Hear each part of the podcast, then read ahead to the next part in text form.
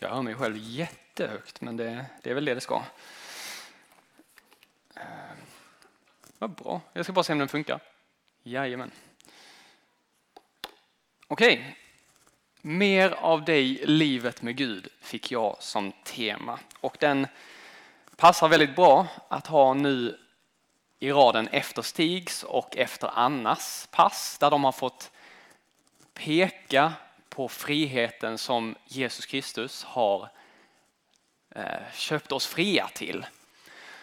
Och nu handlar då mitt pass lite mer om, okej, okay, vi, vi har blivit frälsta av nåd och vi har blivit fria.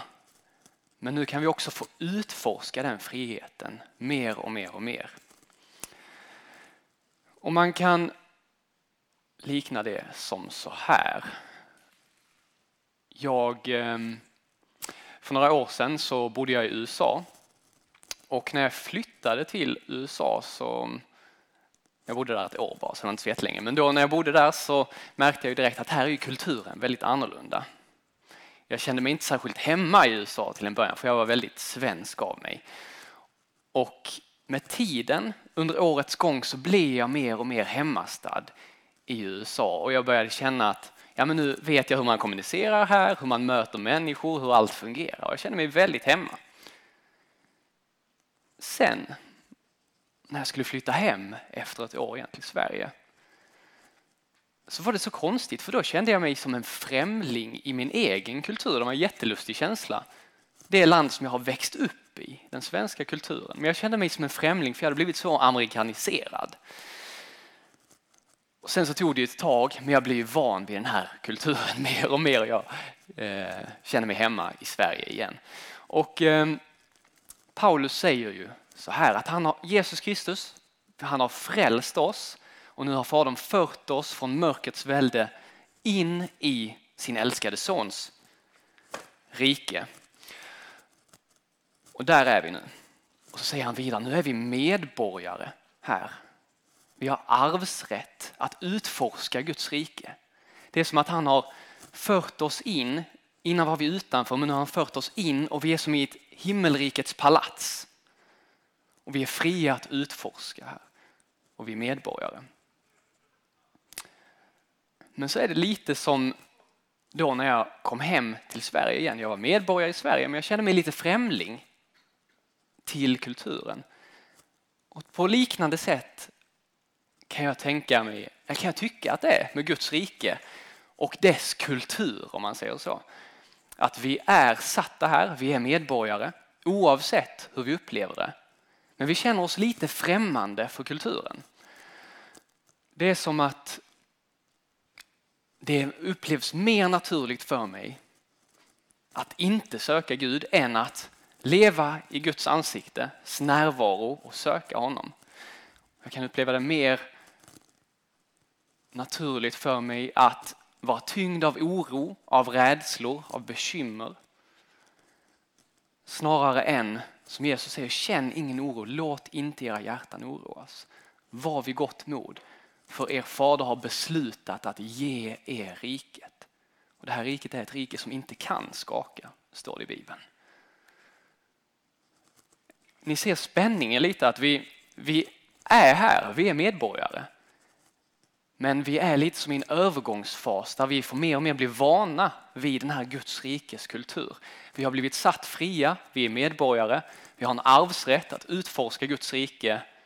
Men vi känner oss också lite som gäster och främlingar trots att Paulus säger nu är ni inte längre gäster och främlingar utan ni är medborgare. Ni var långt borta men Kristus har fört er nära. Och det då detta jag tänkte att vi skulle utforska lite. Guds rikes kultur. Att, eh, man kan säga att vi, vi går runt i himmelrikets palats tillsammans lite och utforskar vad det, vad det är, den här kulturen. Det som vi upplever lite främmande kanske, mer eller mindre.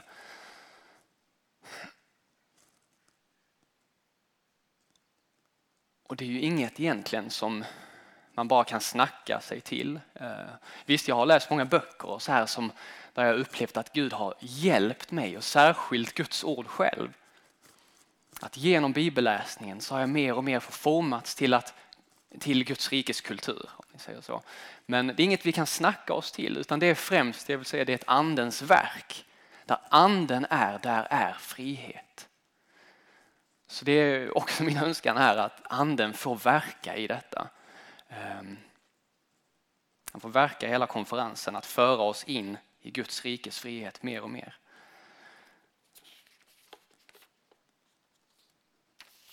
Och eh, tre teman som är intimt sammankopplade tänkte jag fokusera på. Och det är det som Jesus säger är uppfyllelsen av lagen och profeterna. Nämligen att älska Gud av hela sitt hjärta och sin nästa som sig själv. Så de tre grejerna, att älska Gud, sin nästa och sig själv. Detta kännetecknar Guds rikes kultur. Och vi börjar faktiskt upp och ner. Så vi börjar med att älska sig själv. Vad, vad, är det som, vad innebär det att älska sig själv i Guds rike?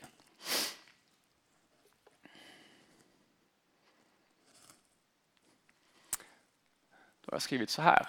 Älska dig själv. Ställ dig under Guds befriande blick. Med andra ord, att älska sig själv är att utsätta sig för Guds blick. Att stå inför Guds ansikte. Hela Guds rike genomsyras av Guds människoälskande kärlek. Och det är, det är som luften vi andas i Guds rike. Att Gud älskar oss. Och en, ett ställe i Bibeln som väl definierar detta tycker jag är Jesu dop. Detta är vårt hem. Jesu dop, där står han och Fadern talar över honom. Du är min älskade son. I dig har jag mitt behag. Och när vi döps så är det som att Jesu dop, eller det inte bara är, utan Jesu dop blir vårt dop. Fadern talar samma sak över oss. Du är min älskade son, min älskade dotter. Jag har mitt behag över dig.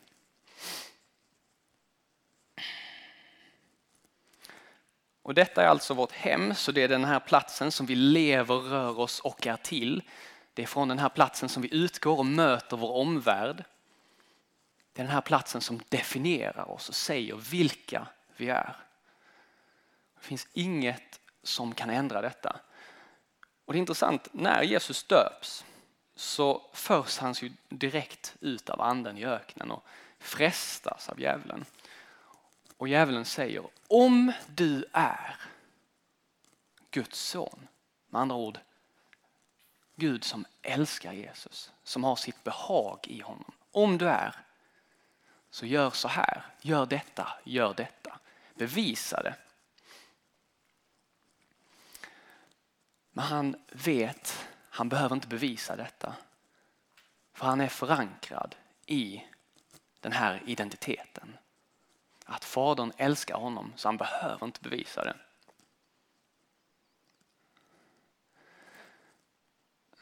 Och med det, jag tänker på en rätt så rolig historia då från eh, de tidiga ökenfäderna, alltså de kristna munkarna som sprang ut i öknen, sprang inte ut, de gick ut i öknen, vissa kanske sprang, eh, för att söka Gud. Och då är det en som kommer ut till de här munkarna och så säger han, hur ska jag göra för att bli helig? Då säger den här munken till honom, gå till de döda och håna dem. Så han går dit och så hånar han dem, han bespottar de döda. Och så går han tillbaka. Och så säger han, ja jag har gjort det. Ja, hur reagerar de? Nej, inget alls. Nej. Nu går du tillbaka till de här döda kropparna igen och så hyllar du dem istället. Okej, okay, ja. Så går han till de här döda kropparna och så hyllar han dem. Förund, eller förbryllad så går han tillbaka då. Vad vill den här munken med detta? Säger han, ja jag har hyllat dem och de reagerar inte något alls. Nej, Gå du och gör som dem så blir du helig. Låter lite konstigt va? Jag tycker det låter väldigt konstigt. Och okej, okay, poängen är Vi ska på ett, detta låter ju jättekonstigt, men poängen vi ska vara lite som de här döda, men döda för världen. Vi behöver inte gå ut i världen och när vi hör andra kanske hylla oss så är det lätt att vi söker bekräftelsen i detta. Oh, detta blir min identitet. Eller å andra sidan, man blir hånad och så blir man, känner man okej, okay, detta är min identitet. Nej, vi ska vara lite som de döda, att vi är reagerar inte på detta utan vi vet, vi står under Guds befriande blick. Det är hans röst som definierar oss, vilka vi är.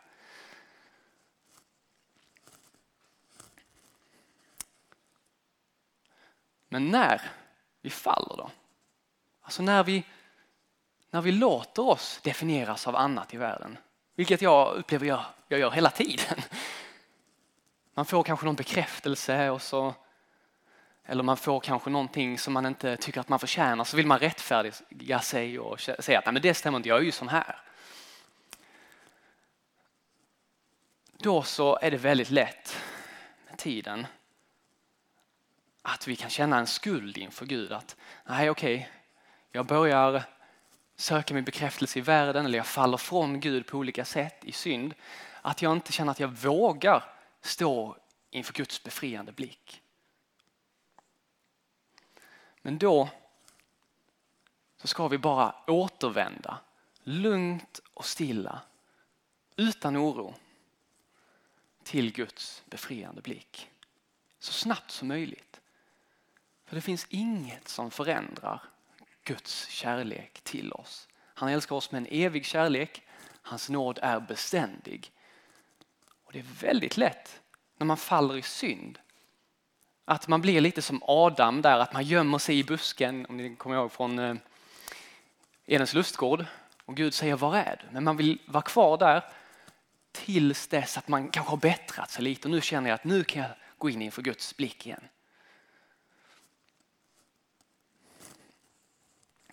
Men nej, återvänd lugnt och stilla utan oro till Guds befriande blick. Eftersom, nu ser jag kanske inte alla där, men striden är Guds det är inte vår strid. Med andra ord mot synd och sånt som vi kämpar med i livet. Som är en realitet som vi fortfarande kämpar med även om vi är fria. Men striden är Guds, det är inte vår. Så vi behöver inte kämpa mot det och sen så känna att nu är jag tillräckligt duktig för att återvända till Guds blick. Utan återvänd direkt och så säger psalmisten, psalm 34, sänk inte blicken i skam utan se upp mot honom och stråla i glädje. Detta är jag helt övertygad om skänker Gud en sån oerhörd glädje.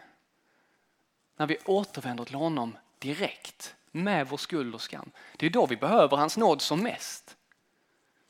Och det är Gud som strider för oss mot all synd. Och det är Guds nåd förvandlar oss. Det är inte vi som ska kämpa själva utan vi ska frambära oss själva. Utsätta oss för hans befriande blick. Herren din Gud bor hos dig. Han är en Gud som frälser, en hjälte som frälser. Han glädjer sig över dig med lust och han tiger stilla i kärlek över dig. Han fröjdas med jubel över dig. Står det i Sefania kapitel 3.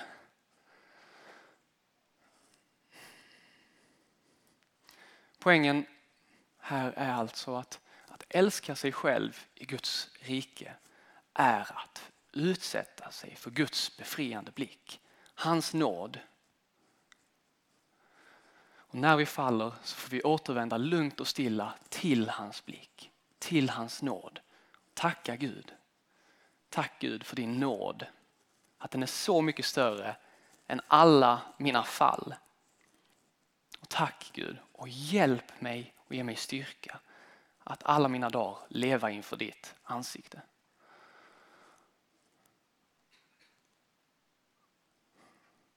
Okej, då går vi vidare till nästa. Från älska dig själv till att älska sin nästa.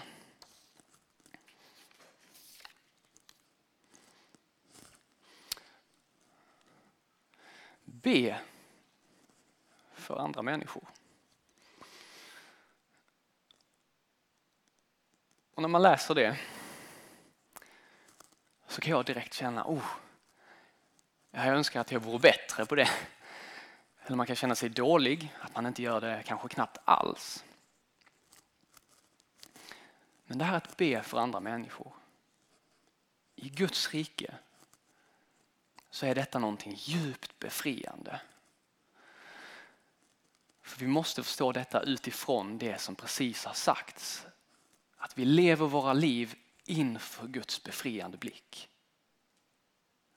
Och där får vi ta emot sanningen om hur Gud ser på oss. Vi får får våra behov fyllda i honom, står det i Filipperbrevet. Och detta, det är det som vi vill ge vidare till vår, vår omvärld. Vi vill be för andra människor, att de ska få ta del av detta.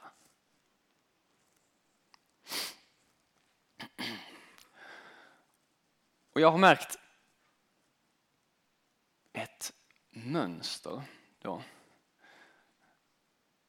som jag har hört från många andra och det är att det är väldigt lätt att fastna i att be för sig själv. Bara be för sig själv. Ehm, att Gud ska välsigna mig och allt sånt där.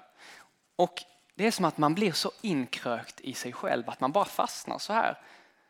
Och det, där har jag upplevt som att det är som att Guds flöde nästan, det är som att det stannar till. Inte för att Gud inte vill välsigna mig. Det är som att jag inte tror på att han, han gör det när jag står inför honom. Han gör det oavbrutet.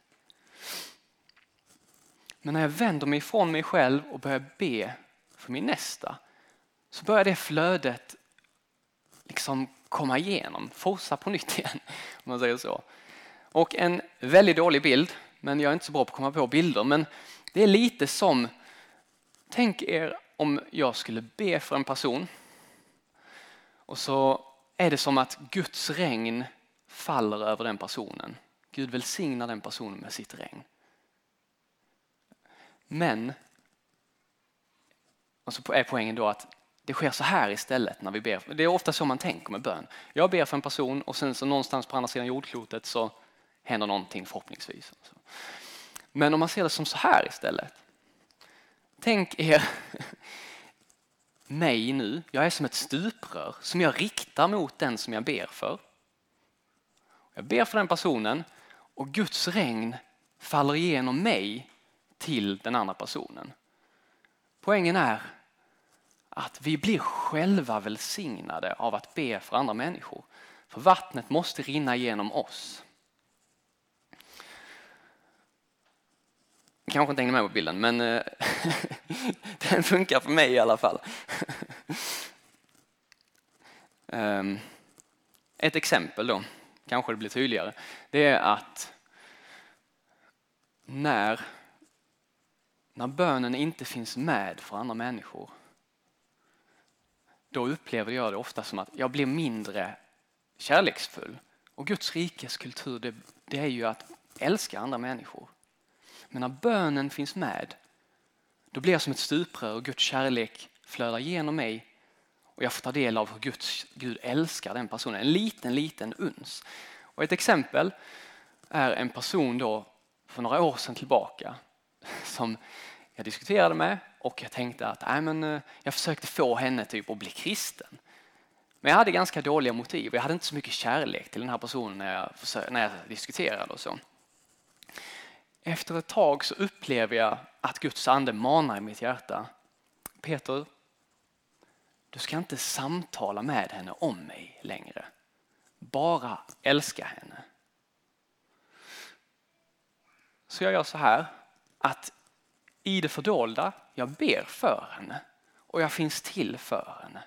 Och jag märker att när jag ber för henne så är jag som det här stupröret. Och jag börjar också få kärlek för henne. Något, bara en liten, liten uns av den kärleken som Gud har för henne. Och det gör att jag ser henne mindre som ett objekt och mer som en älskad människa av Gud. Inte som ett konverteringsobjekt som jag ska försöka så omvända utan jag finns till för henne. Och efter ett tag får vi jättefina samtal. Hon känner att hon kan få tillit till mig och jag får till och med be för henne för att hon frågar mig om jag vill göra det. Tidigare hade jag sagt det, jag var väldigt på. Men det ville hon absolut inte. Så jag bara brände alla de broarna. Men i att jag, man får be för någon i det fördolda, finnas till i kärlek, så tror jag att folk kommer närma sig oss steg för steg.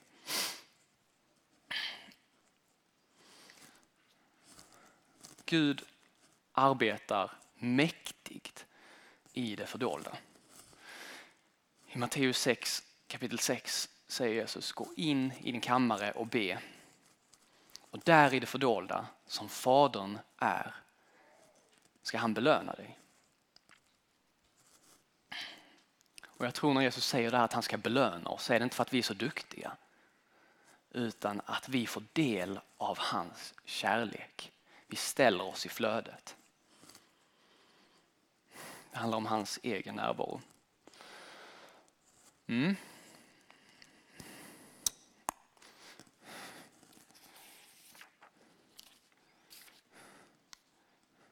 Vi går in på det sista temat nu då.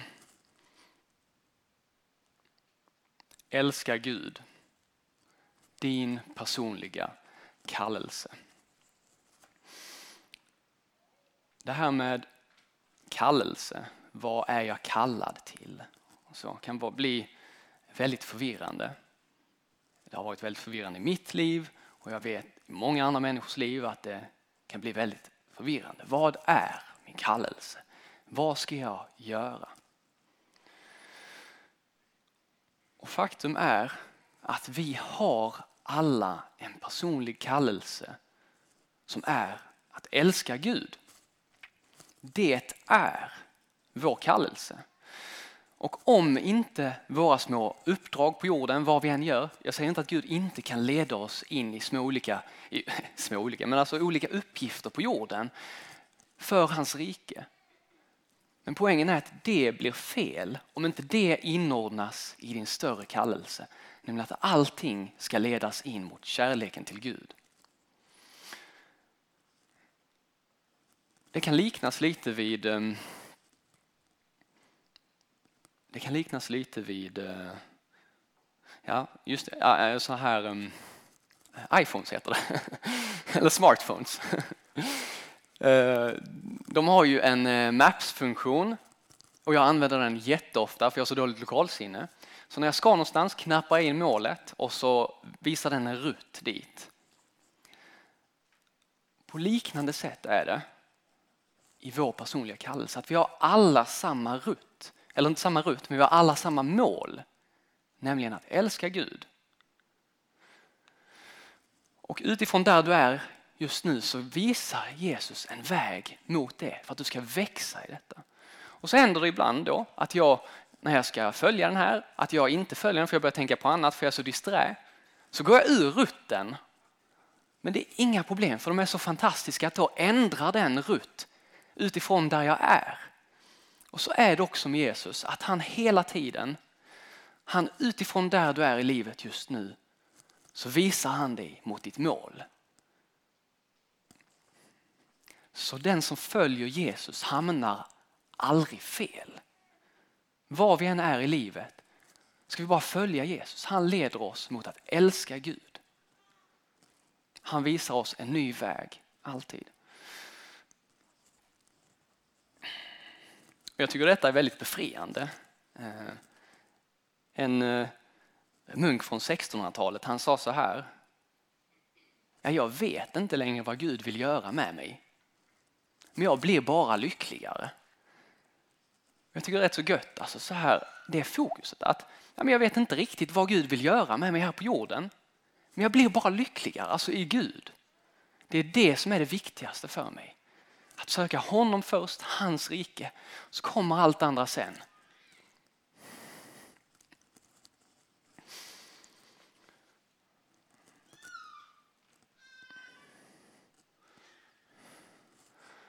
Okej, så hur kan vi då... Vi, vi, ställer in, vi har ställt in genom, vår, genom skriften, genom kyrkan i alla tider har vi haft detta målet. Älska Gud av hela ditt hjärta. Det är nästa som dig själv, det hänger ju som sagt intimt samman med de andra. Men det är målet, älska Gud. Men hur gör vi detta? Alltså, hur kan jag få kärlek till någon som jag inte kan se? Johannes säger Gud är osynlig. Den enfödde har gjort honom känd, men Gud är osynlig och det är på ett vis där vi står idag. Och Paulus säger att Gud bor i ett ljus där ingen människa kan nalkas. Ingen har någonsin sett Gud, säger, eller kan, säger Gud. Han bor i ett ljus som ingen kan närma sig. Så hur växer vi då i kärleken till Gud? En eh, person sa så här, som jag tyckte var väldigt bra. Att vi är i vår mänskliga svaghet faktiskt oförmögna att älska Gud. Vi kan inte i oss själva älska Gud. Men Gud, Jesus Kristus, kan ge oss ivern att älska honom tillbaka. Så i vår mänskliga svaghet, i egen kraft, så kan vi inte älska Gud. Vi behöver alltså Gud för att kunna älska Gud. Och Detta tar oss tillbaka till den första delen i den här undervisningen. Att vi står under Guds befriande blick. Vi tar emot hans kärlek.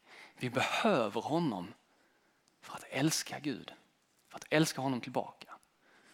Eh, vi älskar för att han först har älskat oss.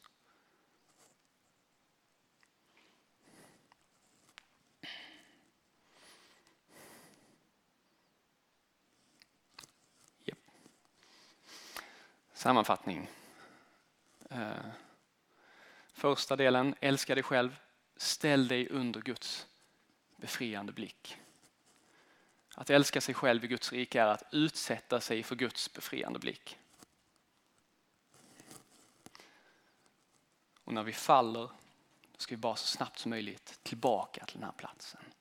Ta emot nåd och förlåtelse, höra Faderns ord över oss. Och från den här platsen lever vi, rör oss och är till och vi har också en befriande uppgift. En möjlighet att be för andra människor. Inget krav, men en möjlighet. Och när vi ber för andra människor så blir också vi välsignade av Gud. Det är som att det är Guds rikes logik i det. I Jobs bok står det till och med att när Jobb började be för sina vänner så upprättade Gud honom.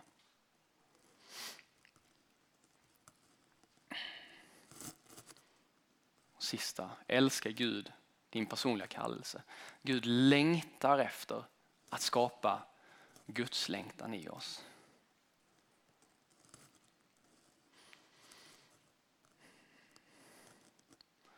Detta är vårt mål.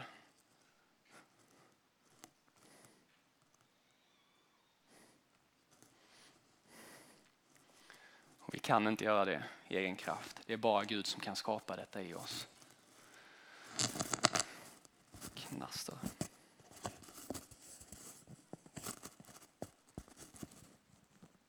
Den som har fått mycket förlåtet älskar mycket. Därför får vi stå varje dag i Guds befriande blick, ta emot hans nåd och förlåtelse som skapar Guds kärlek tillbaka.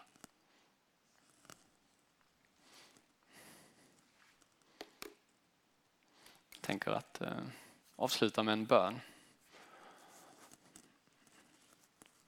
Himmelske Fader, vi tackar dig så, så, så mycket för din son Jesus Kristus som har frälst oss.